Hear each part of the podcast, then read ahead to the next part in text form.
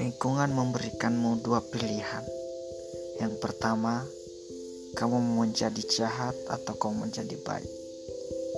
Pilihan ini menentukan siapa diri kamu dan bagaimana kamu untuk hidup.